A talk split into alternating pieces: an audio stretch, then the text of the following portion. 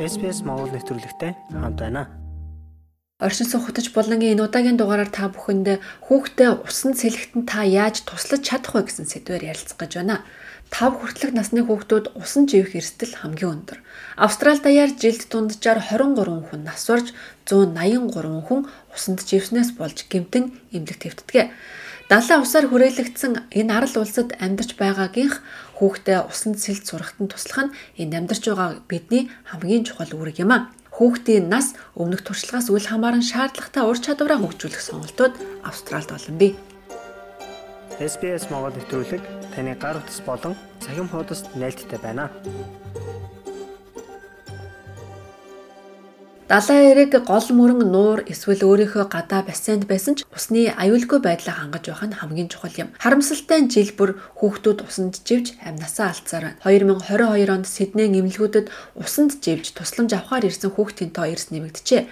Ингээд Сиднейн хүүхдийн эмнэлгүүд болоод шинэ өмнөд Вэлс мужийн төргөн тусламжийн мэрэгжилтнүүд дахин сэрэмжлүүлэг өгөх хэрэгтэй гэж үзэж байна. Баруун Сидней дэх Westmead хүүхдийн эмнэлгийн гэмтлийн мэс засалж доктор Саунд Дапаны хэлж байгаагаар эцэг эхчүүд эрсдлийн талаар мэдэж байх хэрэгтэй. Ялангуяа 100 эрсдлийг сайтар тооцдог байх хэрэгтэй гэлээ you know warm season people like to be in water understandable you know Australia is a water loving country Дулааны улиралд хүмүүс усанд орох дуртай байдаг. Австрали бол усан дурлагчдын орон юм.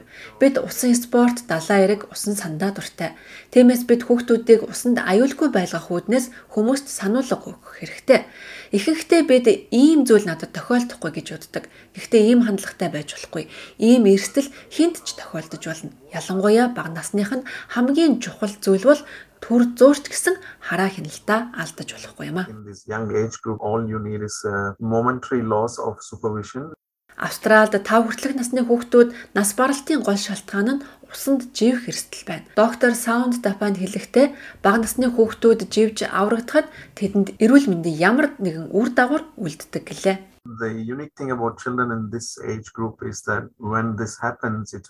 Энэ насны хүүхдүүд усанд живэхэд ер чимээ гаргадаггүй онцлогтой.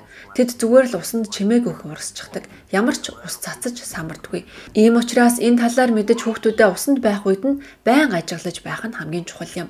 Хэрэг хүүхэд 3 минут ба түүнээс дээш хугацаанд усанд ор байх юм бол мэдрэлийн системд нь ихээхэн гэмтэл учруулах магадлалтай.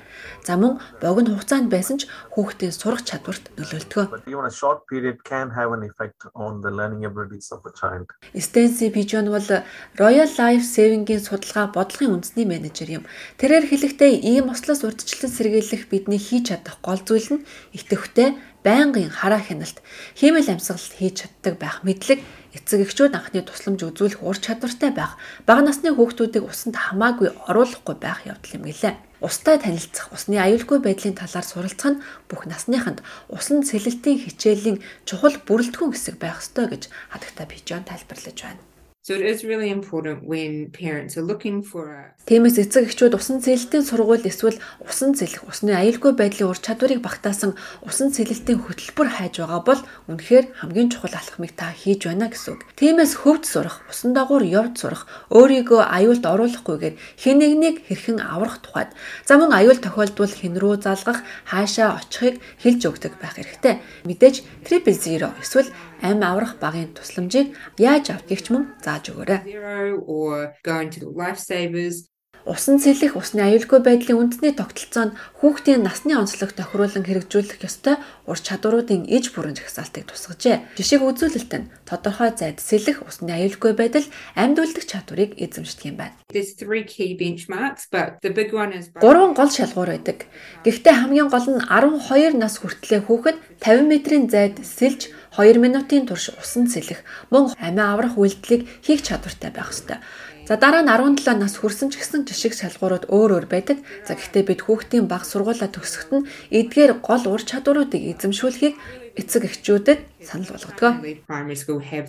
skills. Улс даяар сургуулийн хөтөлбөрт хүүхдүүдийг бага сургуульд байхад нь тодорхой усанд сэлэх аюулгүй байдлын хөтөлбөрийг хамрагдах боломжийг олгодог. Харин Австралийн усан сэлтийн дасгалжуулагч багш нарын холбооны гүйцэтгэх захирал Брэндон Уордны хэлж байгаагаар хүүхдүүд устай эрт танилцах тусмаа сайн гэлээ. Water familiarisation can start from as young as 6 months old. Устдаа танилцах нь 6 сартаагаас эхлэж болно. Үүнээс ч эрт эхлэж болох усан сэлэлтийн хичээлүүд олон байдаг. Энэ нь хүүхдүүдийг усанд өөртөө ихтэй байлгаж суур өөр чадвар эзэмших хүртэл сургадаг юм. Тиймээс 3-аас 4 нас бол хүүхдүүд усны аюулгүй байдлын талаарх үндсэн ур чадвартай болох усанд хөвж бетан сэлд сурах гэх мэт анхан шатны мэдлэгийг олж авах хамгийн тохиромжтой нас юм а. Ноён Уард хэлэхдээ хүүхдээ аюулгүй усанд сэлгэж болоход нь туслах хамгийн чухал дэмжигч бол эцэг эхчүүд юм гэлээ. Хүүхдийн хувьд усан цэлэлтийн хувцас өмсөөгүй л бол усанд орох ёсгүй гэдгийг ойлгуулах тодорхой тогтсон дүрмтэй байх хэрэгтэй. Тэдэнтэй хамт насанд хүрсэн хүн байхгүй бол тэд усанд орох боломжгүй гэдгийг ойлгуулах ёстой. Тиймээс та хүүхдтэй бага наснаас нь эдгээр хөвшил ухамсарыг бий болгож эхлэх нь зүйтэй. За миний бодлоор өөр нэг зүйл бол эцэг эхчүүд сайн чиглүүлэгч байхын тулд өөрсдөө бас усанд чадвартай байх хэрэгтэй. confidence in the water to be a good supervisor. Доктор Саунда Пан усанд живж осол төрсөн 5 хүүхэд тутмыг нэг нь хэл соёлын ялгаатай иргэншилтэй буюу гадны хүүхдүүд байдаг гэж тооцоолжээ. Тэрээр насанд хүрсэн хойно Австральд усан сэлтийн хичээлд суусан хүний хувьд эцэг их хүүхдүүдийг аль болох эрт суралцах үйл ажиллагаанд оролцохыг уриалж байна. After coming to Australia, I did some lessons just to be able to float a little bit. Австралид ирснийхаа дараа би усанд баг зэрэг хөвөхийн тулд хэд хэдэн хичээл хийсэн. Тиймээс эцэг их нь усанд сэлж чаддгүй хэл соёлын ялгаатай иргэншилтэй ийм хүмүүс олон байх магадлалтай. Гэхдээ Аз улсад Австралид бид хүүхдүүдийг аюулгүй орчинд усанд оруулах боломжтой нялх наснаас нь эхлээд явж болох хичээлүүд олон сонголттой байдаг. Тиймээс аль болох эрт эхлэх нь үнэхээр сайн хэрэг юм. Тэд Австралид амьдарч байхдаа усан санд орж л таараа устай холбоотой ямар нэгэн үйл ажиллагаанд оролцоход гарцаагүй шүү дээ.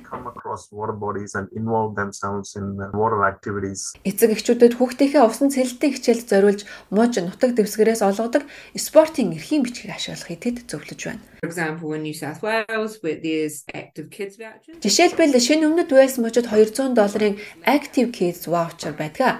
Энэ эрхийн бичгээр усан цэлэлтийн хичээлдээ ашиглаж болно.